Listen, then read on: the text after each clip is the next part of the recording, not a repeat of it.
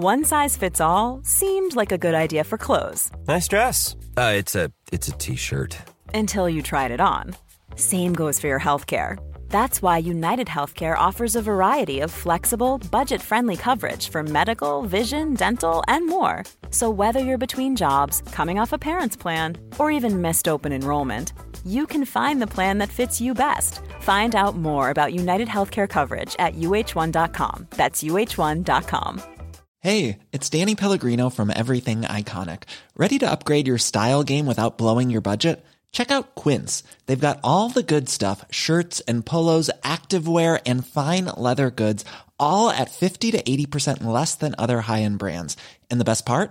They're all about safe, ethical, and responsible manufacturing.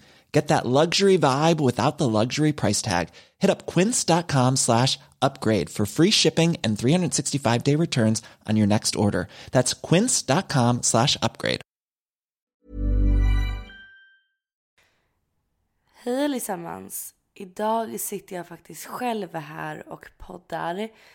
Um, Josefin hade sin storytime när hon pratade om Paradise Hotel och idag ska jag prata om eh, våld i relationer. Eh, vi fick ett mail till vår poddmail om att eh, prata just det här ämnet och jag kände att det var väldigt lägligt i och med att jag kan verkligen relatera till eh, just ämnet våld i relationer. Och funderat och tänkt, borde jag dela med mig? Borde jag säga det här? Men jag känner att det minsta jag kan göra, det, det som får mig eller fick mig att spela in det här just nu är för att jag hoppas att det här kommer hjälpa eller kan motverka um, till att hamna där, där jag var och eh, är idag. Um, och jag själv när jag var i mitt i liksom hela den här grejen när det var som värst så önskade jag att jag kunde hitta någon som hade varit med om samma sak som mig och eh, kunde relat- ja, men ha någon att relatera till. Det var typ det som drog mig över kanten. Att jag kände bara så här, fan, det finns ingen som har gått igenom det jag har gått igenom och känt det jag känner. Um, men allting började med att jag eh, fick kontakt med en kille via sociala medier och vi eh, insåg snabbt att vi hänger på samma ställen, på samma klubbar och eh, ja, men rör oss i samma områden. Um, och det dröjde inte länge innan vi bestämde för att ses faktiskt. Och första gången kommer jag ihåg var på en klubb i Stockholm. Och det var inte så mycket mer än att vi hälsade och han träffade en av mina vänner. Och vi pratade lite, umgicks lite på klubben men sen så var det inte så mycket mer med det. Eh, och vår kontakt fortsatte på sms och snapchat. Och det dröjde inte heller länge förrän vi bestämde för att faktiskt ses. Och andra gången som vi sågs mer intimt eller vad man säger så var det faktiskt eh, jag och en av mina bästa vänner som bestämde oss för att möta upp honom. Och ingenting som jag tänkte på då men som jag kom på i efterhand att redan där så betedde han sig väldigt konstigt. Han, vi skulle ses en viss tid men det blev lite senare och jag fick typ en utskällning för att han hade fått vänta um, en, en viss tid på mig. Um, men så han ville inte ses och han ställde in men jag eh, konstigt nog ville verkligen träffa honom. Även fast jag inte visste någonting om honom. Så, men jag övertalade till att vi skulle ses och vi umgicks lite och det var ingenting mer med det. Men första riktiga gången som vi faktiskt lärde känna varandra och umgicks var en och en halv till två veckor senare. Vi hade fått kontakt och jag åkte hem till honom, vilket bara där efter två veckor började bete mig väldigt... Alltså jag själv var väldigt chockad över att jag åkte hem till honom. Alltså jag om någon på den här jorden, alla som känner mig kan verkligen intyga att jag är inte den personen som träffar folk jag inte känner och speciellt åker hem till någon som jag liksom inte känner knappt har träffat liksom. Um, och jag var inte nervös. Jag var inte alls liksom... Utan för mig var det som att jag skulle bara åka hem till en kompis. Jag hade knappt berättat för mina vänner. Jag tror inte att någon visste om att jag faktiskt skulle åka till honom den kvällen och sova där. Och jag kommer ihåg att jag jobbade på ICA då, så jag åkte hem, duschade, fixade mig, tog en taxi, åkte hem till honom och eh, vi umgicks och pratade och det var helt normalt liksom. Det var som att jag hade känt honom länge och jag kommer ihåg att han hade städat sin lägenhet och så gjort fint för att jag skulle komma dit. Och vi men började liksom lära känna varandra och snackade. Ja, kollade på en film och eh, vi myste och jag sov över. Och jag kommer ihåg att jag var där hela dagen efter. Käkade pizza, vi kollade film. Eh, och bara myste. Och, jag, och han var verkligen, fick mig bara på första dagen, eller första timmarna, känna mig så extremt speciell. Han var liksom så här, ah, men jag berättade för min syster att du skulle komma hit och jag visade hur du såg ut och hon tyckte verkligen att du verkade som en fin tjej. Och dagen efter när vi vaknade så berättade han liksom hur trygg han kände sig med mig och att det är så ovanligt att han känner att han har öppnat upp sig för en tjej på så kort tid och att jag verkligen får honom att känna sig, att kunna känna sig ja, men öppen och vara sig själv inför mig. Och jag kände verkligen så här, shit, gud vad kul att han känner sig bekväm med min eh, närvaro liksom. Eh, och jag kommer ihåg att jag var så glad och jag åkte hem eh, och bara kände för fan vad nice kväll. Men där den kvällen så var den andra varningen som jag inte insåg då, som jag insåg ett halvår senare att dagen efter så hängde vi och käkade pizza och klockan började bli fem och han sa ja men jag måste dra nu. Um, eller jag måste dra snart. Så att vi kan vara här till fyra fem men sen måste vi åka. Och jag bara ah, okej, okay, så här, visst varför då liksom? Och han bara nej, det, jag vågar inte berätta vad det är. Jag bara nähä, nej men berätta du kan liksom, jag dömer inte vad den är. Och han bara jag har blivit dömd till samhällstjänst för eh, misshandel.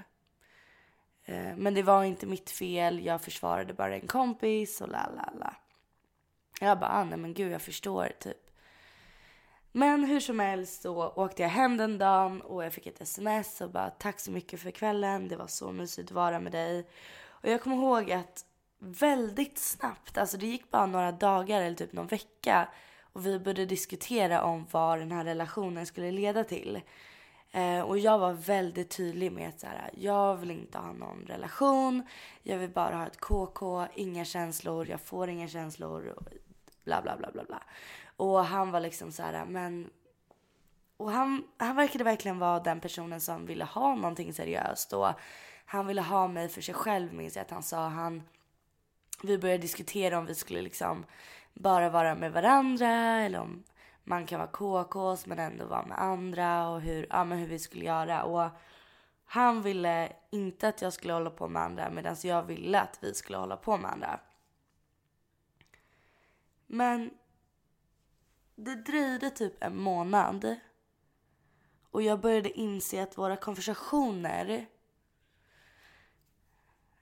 började likna någonting. Alltså jag började skriva saker som inte jag hade skrivit i vanliga fall. Och kom ihåg att han alltid, under den perioden så festade, festade jag väldigt mycket. Och jag vet att han också festade otroligt mycket.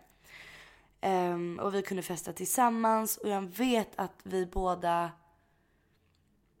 Ja men liksom vi, vi visste att när vi var ute tillsammans så var det vi som höll på och det var vi som drog hem tillsammans. Och... Men han var alltid liksom väldigt kontrollerande. Jag fick inte åka hem med vem som helst. Jag skulle alltid bevisa om jag åkte hem med en tjejkompis. Eh, jag skulle gärna åka hem med honom helst. Jag skulle snappa när jag var hemma. Och jag skulle filma mitt rum så att han inte såg att jag inte var med någon. Och han, även om jag inte var med honom så fick jag ett sms nästan varannan dag och frågade liksom så här, ska du sova med någon? Vart ska du sova? Vem är du med? Ehm, och typ sådana saker. Och det var en kväll som gjorde det väldigt tydligt att han verkligen sket totalt i mig. Var att jag var ute en kväll, drack väldigt mycket, åkte hem med honom med en kompis och eh, han bjöd på lite grejer som gjorde mig otroligt eh, påverkad. Så jag kommer ihåg att jag sprang ut ur eh, hans lägenhet, ner för trappan, ut på gatan och bara hela min blick, hela mitt psyke bara försvann. Mitt medvetande försvann totalt. Jag var så himla borta och påverkad av alkohol och allt möjligt. Um, och de var uppe, min kompis och han var uppe i hans lägenhet och liksom pratade. De trodde att jag hade bara sprungit ner för att hämta luft eller någonting. Och jag ringer till 112 och kan inte andas. Jag hyperventilerade och kände att men jag fick ingen luft och trodde liksom att jag skulle dö. Um, så jag panikandades och ringer polisen och bara ni måste skicka en ambulans. Jag kan inte andas. Så jag sitter i trapphuset och försöker liksom andas så mycket det bara går. De två kommer ner, försöker hjälpa mig. Um, och jag ber eh, den här killen då gå upp igen för att jag ville bara ha min bästa vän där som kunde hjälpa mig då. Ambulansen kom och jag åker iväg utan mina skor, utan mina saker. Min jacka var, allt var i, uppe i hans lägenhet. Um, och jag blir kvar på sjukhuset för att jag mådde så dåligt under hela natten. Um, och jag kommer ihåg att jag kollade på min mobil när jag blev bättre och vaknade upp ur liksom mitt omedvetande. Och tänkte liksom shit han måste vara skitorolig för han var uppe i lägenheten när jag åkte med ambulansen. Han måste undra vart jag är. Och han hade kontakt med min vän eh, Sara då. Och hon förklarade liksom att vi är på sjukhuset, eh, vi hörs sen när Sara har vaknat upp. Eh, så när jag vaknade och kollade på mobilen så ser jag inga sms, ingen snap, ingenting. Han hade inte ens liksom han brydde sig antagligen inte så mycket av att jag var på sjukhus och hur det gick. Um, och alla mina saker var ju då i hans lägenhet. Uh, jag har inget busskort, inget bankkort så Saras pappa fick komma och hämta oss. Eh, körde oss till hans lägenhet och min vän Sara då smsade honom och sa liksom kan du öppna dörren, vi måste komma och hämta våra saker. Och han sa liksom att ja men jag har slängt alla saker i i trapphuset. Det är bara att gå och ta det. Um, och där någonstans insåg jag själv att okej, okay, det där är inte normalt att man bryr sig så lite om en annan människa. Um, och det dröjde först två dagar efter och han smsade By the way, mår du bra? Hur gick det på sjukhuset? Um, så skrattretande. Men hur som helst, då hade det gått en två månader i vår relation och um, folk trodde att jag var kär i honom, att jag hade känslor för honom och jag förklarade om och om och om igen för mina vänner att nej, jag har inga känslor.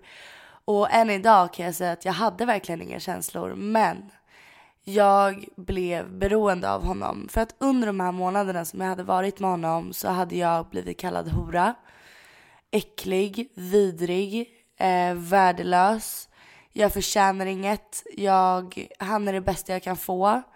Om jag lämnar honom så har jag gått minus i livet och jag har, eh, är dum i huvudet om jag liksom lämnar honom och han är den personen som kan göra mig lyckligast. Um, och han fick mig verkligen att tro att så här, jag förtjänade ingenting annat än honom. Um, och det gjorde att jag blev blind för alla andra. Jag blev blind för alla andras ord. Det var som att hans ord blev min lag på något sätt. Vad han än sa så trodde jag på det. Um, han låg med min vän och liksom ljög om det. Även fast jag hade bevis och konversationer och pinscreen och allt vad det var.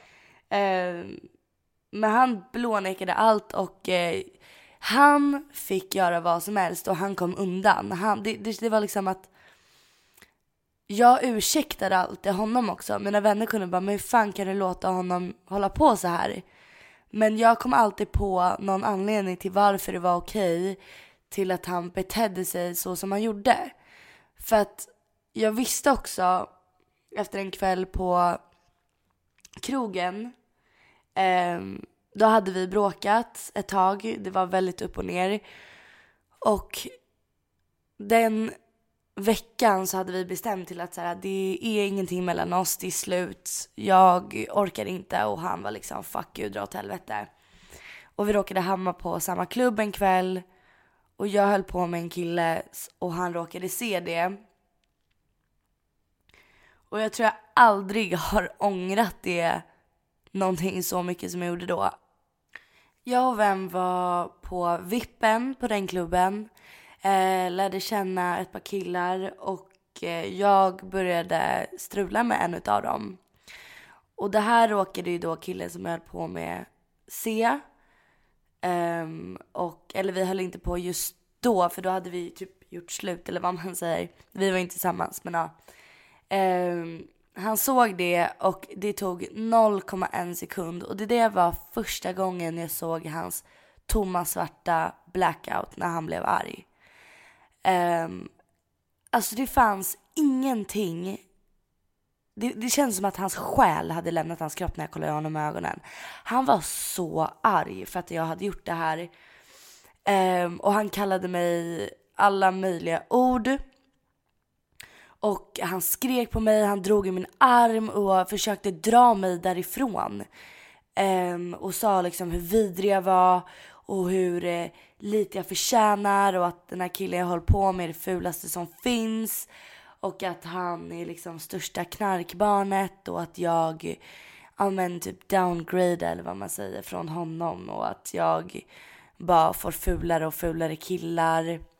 Eh, och att jag är så slampig och att jag eh, är falsk. Och jag kommer ihåg att han försökte um, göra mig svartsjuk genom att dra två tjejer till hans knä och tvånglade dem totalt. Alltså försökte hångla med dem fast de inte ville.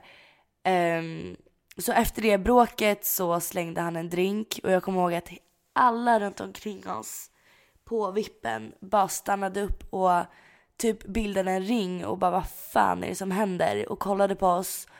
Och jag kände mig så jävla vidrig. Jag kände mig så himla liten som person. Så han kastade den drinken och jag kommer ihåg att jag tänkte typ inte för mig så jag puttade honom mot några som var där. Um, och han bara vände sig om och sa inget, vilket var så skönt för att just i den stunden så blev jag ju väldigt rädd för honom. Men han gick bara därifrån. Um, några vakter som jag känner på den klubben kom fram till mig och vi pratade. Men då hade han försvunnit till typ rökrutan eller någonting. Uh, sen kom han tillbaka och började kasta glas på mig. Uh, han kastade, han stod typ så fem meter ifrån. Um, och varje gång jag tittade bort så kastade han glas och drinkar och is på mig och den här killen. Uh, och jag kommer ihåg att min vän som jag var med då typ sket i allt som hände. Uh, hon såg och hon hörde men hon gjorde inte så mycket åt saken faktiskt. Um, och jag visste inte själv vad jag skulle göra och jag kommer ihåg att den killen som jag var med tyckte han var så obehaglig att han sa liksom så att jag vågar inte vara med dig för att den här killen kommer ju typ slå ner mig så att jag lämnar den här klubben och drar. Så jag kände bara okej, okay, min vän är och hånglar med en kille längre bort och bara skiter i vad fan det är som pågår. Den här killen som jag höll på med vågade inte vara kvar och jag vågade inte vara själv kvar på klubben. Så jag tog min jacka och skulle lämna klubben och jag minns att han sprang efter mig för att han såg att jag skulle lämna. Och på 0,1 sekund så var han helt normal. Supergullig och bara kramade om mig och bara varför ska du gå? Och jag frågade liksom så här, varför kastar du glas? Och bara konfronterade honom och han bara jag har inte kastat några glas. Um, och bara blånekade allt fast jag såg det själv. Tills han råkade försäga sig och sa men hur vet du att jag kastade champagneglas? Och ja, jag hade inte ens nämnt att det var champagneglas. Men hur som helst, det tog två sekunder och jag förlät honom. Återigen så gick jag emot mina principer och bara såg förbi allt han hade gjort. Um, och jag glömde också nämna att han uh, slog mig i huvudet när jag skulle gå från uh, uh, vippen och drog i mina kläder. Men jag förlät honom och jag åkte hem och bara smsade honom typ att det är okej, det är lugnt, det gör inget. Um, sånt händer. Jag bad om ursäkt för att jag hade hållit på med en annan kille. Um, och han erkände inte någonting. Han tyckte inte att han gjorde fel utan anledningen till att han betedde sig som han gjorde var på grund av mig. Och jag köpte det faktiskt. Jag tyckte att det var på grund av mig. Jag borde inte ha hållit på med honom när jag visste att han var där. Um, och så vidare. Och jag kommer ihåg att efter den här kvällen på klubben så berättade jag det här för mina vänner. Och de bara, vad fan Sara, va? alltså du måste låta honom gå. Det är inte okej att han har slagit dig, kallat dig för de här orden.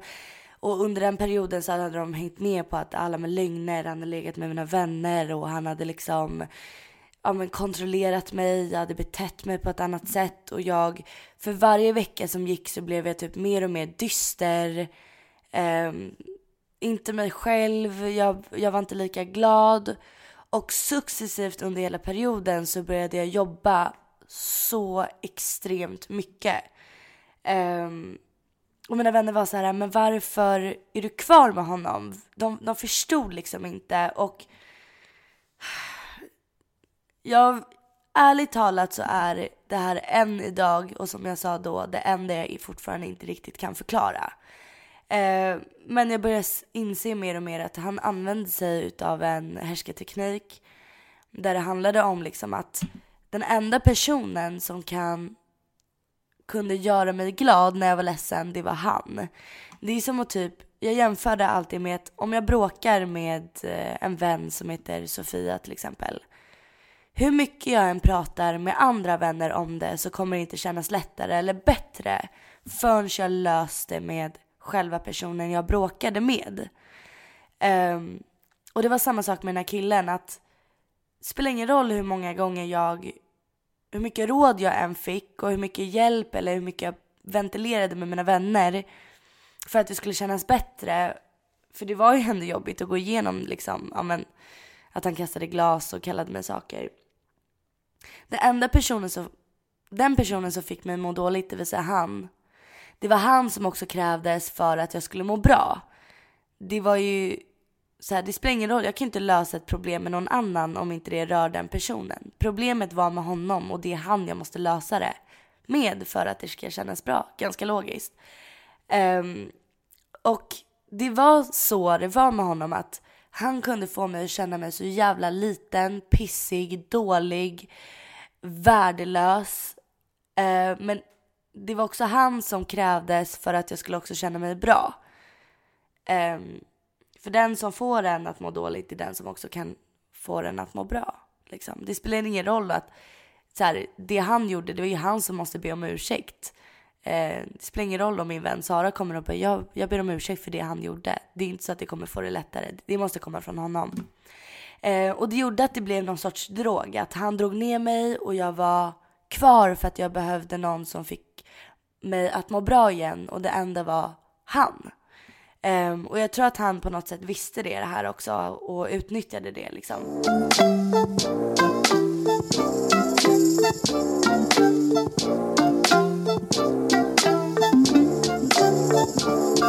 Hur som helst så var det typ några, fyra månader senare så var vi ute på krogen igen och eh, jag fick reda på att han höll på med, en, eller skrev med en utav, med ännu en av mina kompisar.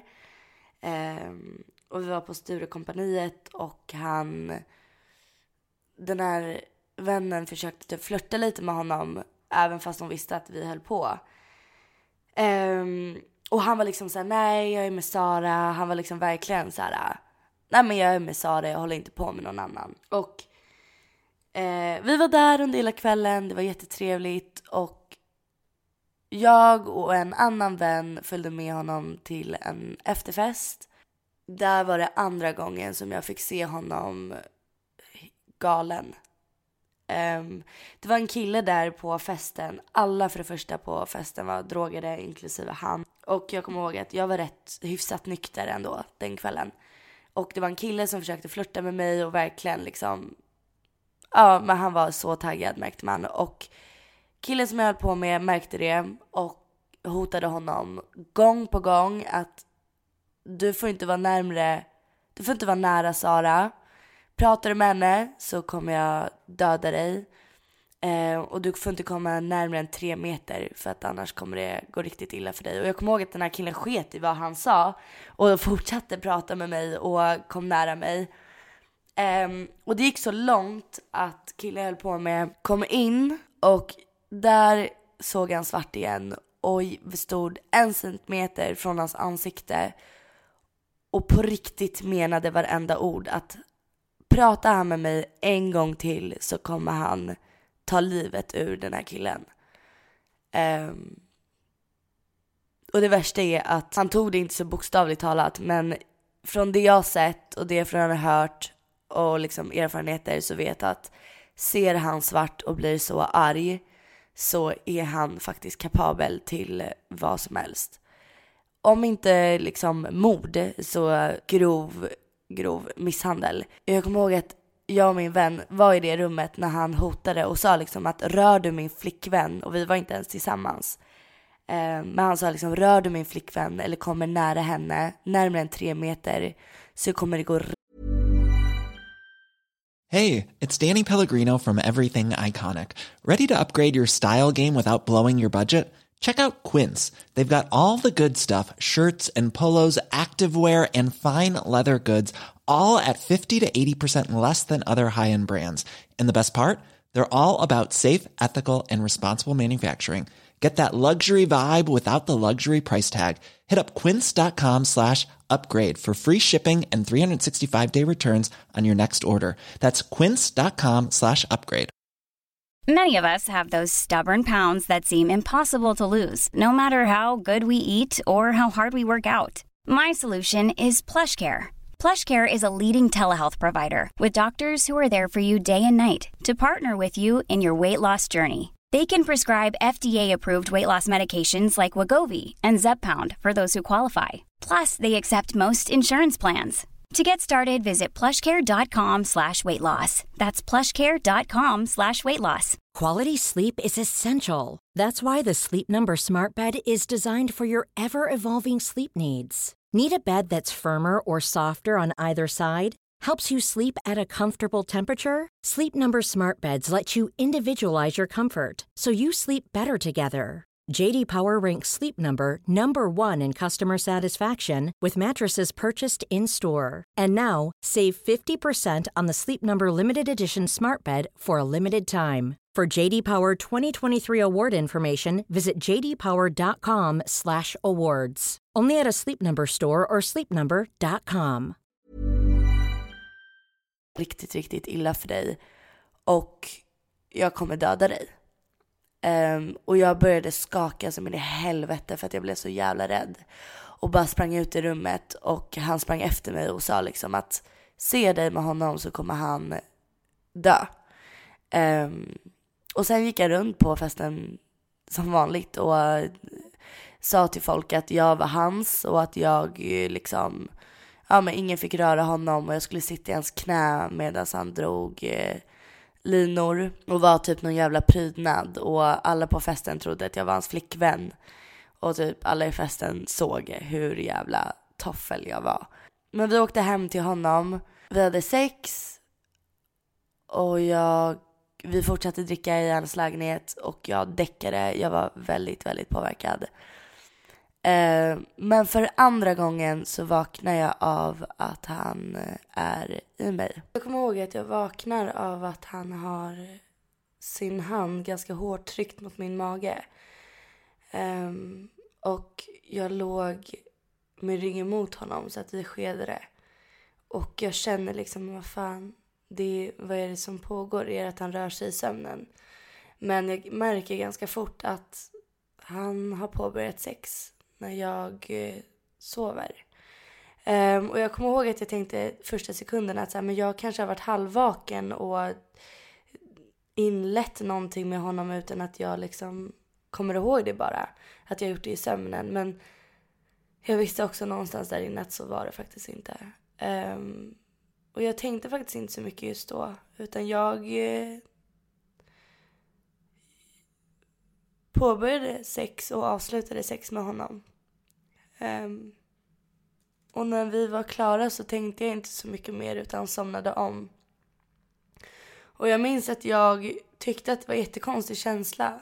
Um, och att det, men jag var så osäker på att så här, var det han som tog initiativ utan att jag var med på det eller var jag faktiskt halvvaken och eh, inledde sexet med honom, bara att jag inte kommer ihåg. Men dagen därpå så reflekterade jag inte så mycket mer på det för att jag har varit med om det en gång innan och tänkte exakt likadant att ja, men jag kanske var halvvaken och faktiskt som sagt inledde det tillsammans med honom. Um, och det gick ett bra tag. Uh, det gick några månader förrän jag faktiskt insåg vad som hade hänt när uh, då jag pratade med en kollega på mitt jobb om att hon hade varit med om att hon hade blivit fingrad under eh, tiden hon hade sovit. Och jag kommer ihåg att jag reagerade så starkt på det och sa och tyckte och kände att det var så fel gjort av hennes dåvarande pojkvän att ge sig på en person som sover. Vilken relation man än har. Um, och där och då så slog det mig att jag har ju faktiskt varit med om samma sak två gånger.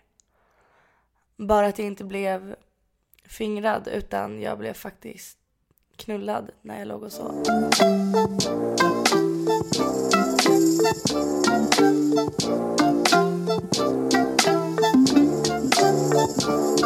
I samband med insikten om vad jag har gått igenom eh, som jag bara faktiskt började gå under. Och jag gick eh, efter den stunden också under som person. Jag slutade prata med mina vänner. Jag berättade inte det som hade hänt för dem för att jag var så rädd att jag någonstans kanske har inbillat mig det som har hänt och det framstås då som en lögn. Um, jag var så rädd att folk inte skulle tro på mig.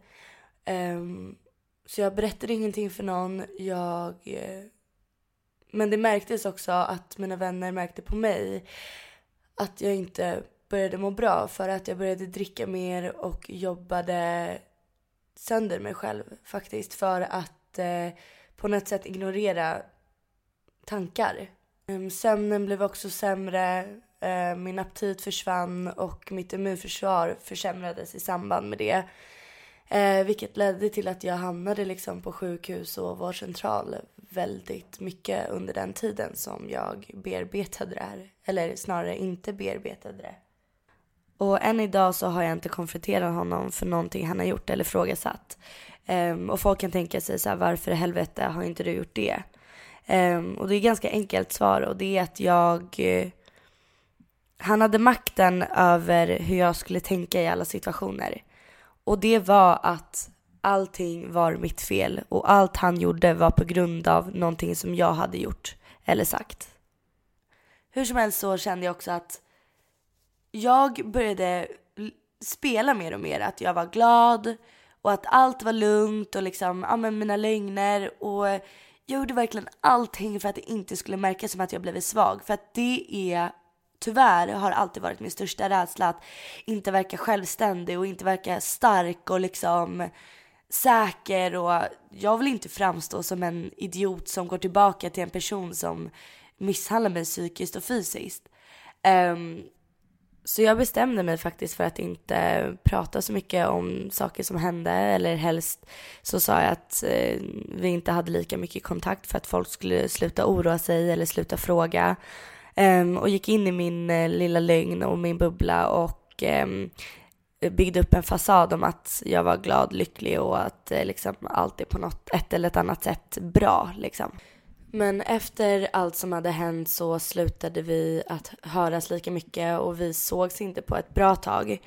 Eh, vilket på ett sätt var skönt men där så började jag också bli väldigt destruktiv. Eh, för i samband med att jag inte pratade med människor om eh, allt som hade hänt och kände typ en skam så började jag eh, jobba ihjäl mig. Jag gick från liksom tre dagar till fem dagar, från fem dagar till sju dagar i veckan. Från åtta till tio, från tio till fjorton och från fjorton till sexton timmar i, liksom, om dagen. Um, och enda gången jag inte var på jobbet det är om jag var, hade blivit sjuk. Um, och jag kommer ihåg att så här, de gångerna jag också var ledig eller inte var på vårdcentralen eller någonting sånt så gick jag oftast till jobbet ändå för att eh, göra någonting och för att liksom på något sätt köra slut på mig själv för att kunna också somna i och med att jag hade fått sömnproblem också. Um, och så höll jag på i nästan ett halvår. Um, och tills jag inte klarade av det längre. Um, så efter att jag hade insett det som hade hänt under de två gångerna jag hade sovit och när jag blickade tillbaka och såg hur hur illa jag faktiskt hade mått så tog jag, eller lyckades liksom eh, distansera mig från honom eh, i alla fall ett, en, två månader. Eh, vi hördes inte lika ofta och vi sågs inte under den tiden. Och under samma veva så lärde jag känna en ny kille som eh, fick mig att inse att det finns faktiskt för det första bättre killar där ute och även jag lärde mig att inse mitt egna värde, att jag förtjänar bättre. Att jag borde hålla på och spendera min tid eh, på en person som honom och inte han som faktiskt gör mig illa. Um, men det var en kväll som jag och tre av mina bästa vänner tänkte um, dra en utgång. Men jag bestämde mig att innan jag förar och drar ut med dem så tänker jag träffa den här killen och få ett avslut och säga för en gångs skull vad jag känner. Um, så jag berättade det för mina vänner att jag möter dem senare. Um, jag åker hem till honom. Um, och jag var så nervös. Ehm, och det första frågan, eller bland de första frågorna är liksom håller du på med någon annan? Och jag kommer ihåg att jag svarade ja. Um, vilket halvt var en lögn i och med att jag var ju inte på G med någon annan på det sättet. Så jag sa liksom ja, jag träffar någon väldigt seriöst och det sa jag enbart för att jag ville att han skulle hålla sig borta från mig. Eh, men det blev tvärtom. Eh, effekten blev istället att han blev arg och irriterad för att jag var med någon annan. Och han kände sig väl på något sätt som att jag hade varit otrogen. Så ganska snabbt så började vi tjafsa och bråka och han började ställa massa frågor. Han tyckte att jag var dum i huvudet som höll på med någon annan och den jag höll på med kommer ändå lämna mig för att jag inte förtjänar det och, och att ingen kommer vilja vara med mig om inte att det bara är han som kan stå ut med mig i princip. Men jag vågade ändå stå på mig och jag sa emot. Och jag kommer ihåg att han från ingenstans ville slänga mig i sängen som låg ganska nära hans, ett bord som var i hans rum. Eller lägenhet. Jag försökte häva mig upp genom att dra i bordskanten och få ett ganska löst grepp. Och han märker att jag försöker häva mig upp. Så han eh, halvt lyfter upp mig och kastar in mig i, i kanten och i väggen så att det träffar mitt eh, högra revben eller sidan av mitt revben och jag faller ihop på golvet um, och skriker av liksom för det första för att jag var arg men också av smärta och mm, såklart rädsla. Um, och jag tappar ju andan i och med att det träffar på sidan av min lunga och han skriker kolla vad, vad du har gjort, det här är ditt fel. För jag tror att varje gång han insåg att han gjorde någonting dumt så var han väldigt snabb med att skylla på att det var mitt fel för att han inte på något sätt skulle känna eh, skuld till det han har gjort. Och jag kollade mot hallen och mina saker var där men jag vågade inte ställa mig upp för att han förmodligen hade väl blivit argare och fortsatt eh, slå mig. Men jag låg på golvet och eh, Vi bråkade och han eh, lyfter upp mig jättehårt med mina armar. Um, och jag sätter mig på kanten, försöker hämta andan. Han skriker och eh, jag springer därifrån. Eh, och samma kväll så tar jag bussen. Eh, träffar en av mina killkompisar som jag skulle gå ut med. Um, och grät i hans knä och han förstod nog vad som hade hänt. Ehm, men samma kväll så torkade jag mina tårar, mötte upp mina vänner, gick ut, låtsades som ingenting hade hänt. Eh, fast de hade förstått, utan att jag sa något så hade de förstått vad som hade hänt den kvällen tror jag. Och eh, dagen efter så vaknade vi ihop tillsammans. En av mina vänner tar kort på mitt revben då jag hade ungefär en och en halv decimeter stort blåmärke. Och eh, jag hade även blåmärken på mina armar. Vi tog upp på dem och eh, det var ingenting med det faktiskt. Eh, jag fick inga frågor, det var ingen som riktigt liksom eh, helt, alltså brydde sig. Um, och efter det så kommer jag ihåg att jag insåg att det är ingen som riktigt bryr sig. Man finns oftast i stunden och eh, man eh, finns gärna där när man ropar efter hjälp. Men jag vill inte ha någon som bryr sig bara för att jag ber om det eller för att jag söker efter det. Utan för mig var det väldigt viktigt att någon faktiskt kom fram till mig och frågade. Um, och inte bara av nyfikenhet utan för att den faktiskt vill finnas där. Och jag kände att ingen riktigt eh, frågade för att den ville finnas där på riktigt utan mer bara för att de ville veta vad som har hänt. Och lite för att man, jag antar att man måste fråga för att vara bra vän liksom. Så jag berättade inte det här för någon och jag, en av mina bästa vänner var utomlands på en Asienresa och en annan vän hade jag inte så mycket kontakt med just den sommaren. Eh, men jag kommer ihåg att när vi väl träffades så, det var ganska kort efter misshandeln och jag visade blåmärkena på armarna och det var väl en oj-reaktion liksom. Men ingenting mer med det och ja, jag orkade inte heller prata om det för att varför prata om ingen bryr sig riktigt. Um, och jag kommer ihåg att efter den kvällen som jag blev misshandlad hemma hos honom så ganska kort efter så sov jag hos den här nya killen som jag eh, hade träffat. Och jag var, gjorde allt för att dölja blåmärkena kommer jag ihåg. Jag skämdes så mycket och idag kan jag bli arg för att jag skämdes över det han hade gjort. Och att jag inte liksom, inte skulle gå runt och vara stolt över det men snarare inte känna skam och skuld för det. Utan snarare känna aggressioner och vara arg på honom för att han gjorde det.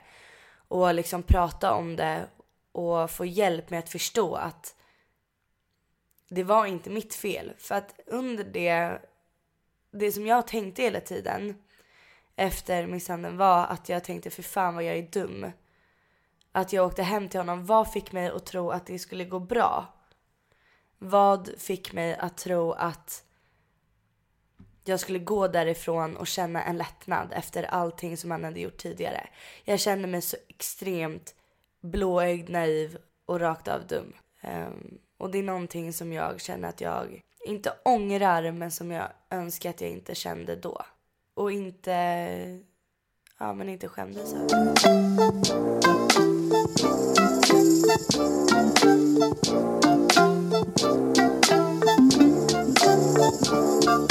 sista jag ville höra var blocka honom, sluta skriva, sluta svara. För att det där var en person som inte man bara kunde radera ut sitt liv. Det var ingen som förstod att han kommer inte låta mig vara.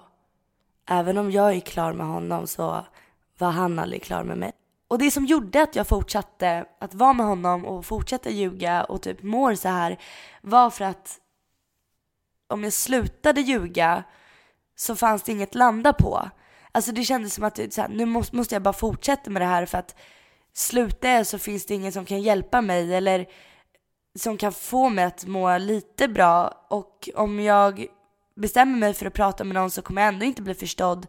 Det kändes som att jag var tvungen att fortsätta klättra i den här lögnen för att om jag släppte taget så fanns det inget golv att landa på lite. Och berätta liksom och göra det logiskt. För mig var det så logiskt den här känslan och att jag var kvar och för mig var det så logiskt att jag inte vågade skrika på honom. Men det kändes, så, det kändes som att det var så ologiskt i andras öron. Och det var så jävla jobbigt. Alltså jag kände mig så jävla extremt ensam. Um, och det kändes som att jag började bli ännu mer destruktiv. Jag fick så mycket mardrömmar och jag kommer ihåg att jag grät nästan varje dag. Um, men ju sämre jag mådde, desto mer krigade jag för att se ut som att jag var stark. Ju svagare jag var, desto mer fejkade jag att må bra och att allt var bra och att liksom eh, vilket gjorde att jag blev ännu mer instängd i, i mina tankar och i mina känslor. Vilket gjorde att jag började drömma om det istället. Och det har lett till att jag än idag, nästan ett år senare, har extrema sömnproblem. Eh, jag kan fortfarande drömma om liksom jobbiga saker om honom. Eh, och det är väl så jag får utlopp för mina känslor för att jag känner än idag att jag tycker att det är jobbigt att ta upp saker och ta upp det med honom. För ju mer jag pratar om det, desto mer inser jag hur blind och dum jag var. Även fast jag, även fast jag vet innerst inne att jag inte var dum så får jag den känslan. Och därför, ännu en gång, så håller jag käften för att ju mindre jag pratar om det desto mindre, mer blind kan jag vara och det är typ skönt. Och det är jättedåligt men jag vet det också att jag lever i en förnekelse och jag gör det jättegärna. Så nu har det i alla fall gått ett år. Eh, vi tappade kontakten nästan helt i eh, somras. Och eh, jag fortsätter träffa den där killen som var extremt fin mot mig men på grund av det som jag har gått igenom så förstörde jag i princip den relationen också. Eh, jag kunde inte lita på honom helt. Jag eh, var paranoid. Jag var rädd. Um, jag kunde vakna på natten och typ fly därifrån för att jag trodde att jag kanske vaknar upp um, på samma sätt som jag gjorde med den förra killen. Jag har liksom hela tiden haft i bakhuvudet att det är för bra för att vara sant. Och jag kan också tänka att jag inte förtjänar, eller att han förtjänar bättre än mig. Att jag hela tiden har i baktanken att det som han, den förra killen, tryckte in i mitt huvud. Att jag inte förtjänar någonting, att jag inte är bra nog och sånt. Och det är någonting som jag fortfarande jobbar med idag och försöker liksom ta tag i det som jag inte pratade om då. Um, och försöker nu liksom verkligen bearbeta allt som jag har gått igenom, som jag har varit väldigt dålig på att göra tyvärr. Uh, och det gick ju ut över en väldigt fin relation som jag tyvärr inte kunde ta hand om riktigt så som jag vill kunna göra och vet att jag kan göra om jag är i mitt uh, bästa psyke om man säger så. Men den personen som jag i alla fall träffade efter eh, den destruktiva killen eh, fick mig verkligen, eller hjälpte mig otroligt mycket genom att inse att det faktiskt finns för det första bättre killar. Eh, men också att jag insåg mitt egna värde. Ehm, och att jag liksom går, att det finns bra relationer och att jag kan vara i bra relationer. Men tyvärr så var jag väldigt rädd för att liksom, och är fortfarande väldigt rädd för att öppna mig och eh, ge mitt hela jag, eller vad man säger. Men det kommer nog bli bra. Men det handlar enbart om att bearbeta har jag insett nu. För att jag hade världens bästa relation med världens bästa människa liksom. Men anledningen till att det inte funkar var ju för att jag inte, för att jag inte funkade. Och det går inte att eh, alltid gå och vara nej, eller liksom paranoid och rädd och tippa på sina tår och tänka att ja men snart kanske det vänder, snart kanske han blir så som han var eller som förra killen jag träffade. Men idag i alla fall så har vi ingen kontakt. Um, och vi, uh, jag har verkligen kommit över honom, vi hörs inte längre, han trakasserar mig inte längre men oavsett om inte vi ses eller hörs så det han gjorde mot mig kommer ju alltid finnas kvar. Eh, tills jag har jobbat bort det. Och det har jag inte gjort än men jag är på väg dit liksom. Och jag har också lärt mig väldigt mycket av det jag gått igenom. Bland annat att kunna se alla varningstecken och att eh, innan bli blind och manipulerad att faktiskt lämna innan man hamnar i en eh, ond cirkel. Eh, men också att jag själv har lärt mig att aldrig någonsin låta någon behandla mig på det sättet och aldrig ta på mig ansvar eller ta på mig en skuld som jag inte förtjänar. Jag har också lärt mig hur fina vänner jag har men också att inte lita på allt som sägs. Alltså jag blev lovad väldigt mycket att Sara, vi vet att du inte kan söka hjälp själv eller ringa till polisen eller anmäla eller så jag gör det åt dig liksom. Um, och där tändes ju alltid ett hopp om att okej okay, det kommer bli bra, jag kommer hjälp med det som jag inte kan ta tag i själv. Um, men det blev ju aldrig så. Um, och det är någonting som jag har lärt mig att jag kan ta emot stöd, uh, jag kan ta emot hjälp men inte förlita mig på det. Eh, och inte tro att andra ska kunna hjälpa mig ur någonting utan jag måste kunna stå på egna ben och kunna hjälpa mig själv vad det än är. Jag måste bli min egna bästa vän. Um, och det är någonting jag alltid kommer bära med mig av och vara tacksam över att jag har lärt mig. Och jag är också väldigt tacksam över att, eller jag är inte tacksam över att jag gick igenom en misshandel och allt sånt men jag är glad att jag tror att anledningen till att jag var kvar med den nya personen jag träffade som var så fin så länge var för att jag faktiskt fann en person som jag kunde lita på. Som inte bara var en vän.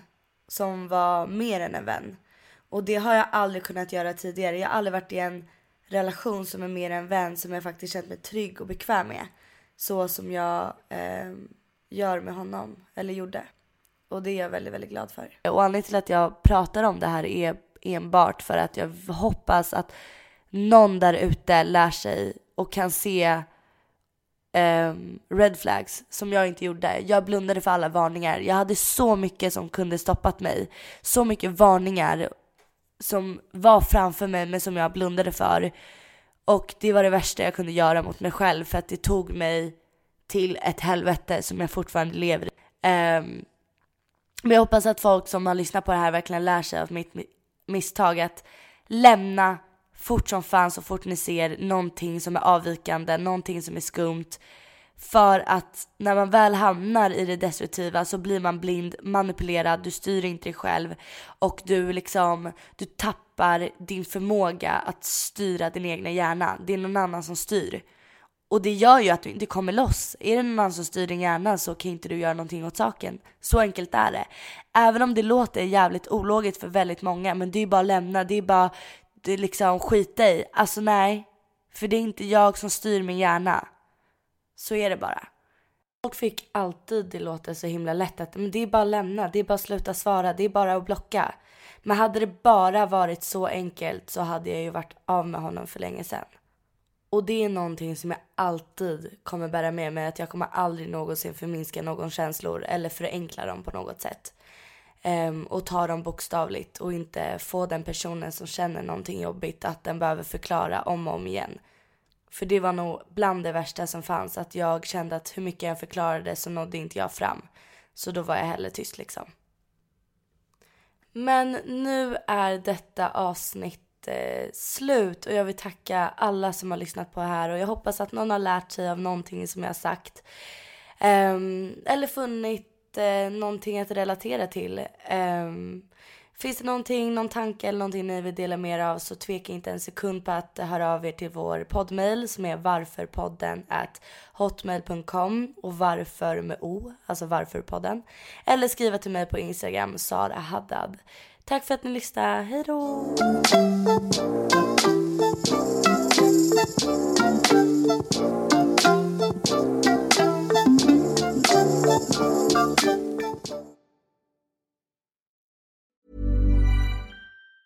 Hey, it's Danny Pellegrino from Everything Iconic. Ready to upgrade your style game without blowing your budget? Check out Quince. They've got all the good stuff shirts and polos, activewear, and fine leather goods all at 50 to 80% less than other high-end brands. And the best part? They're all about safe, ethical, and responsible manufacturing. Get that luxury vibe without the luxury price tag. Hit up quince.com slash upgrade for free shipping and 365 day returns on your next order. That's quince.com slash upgrade.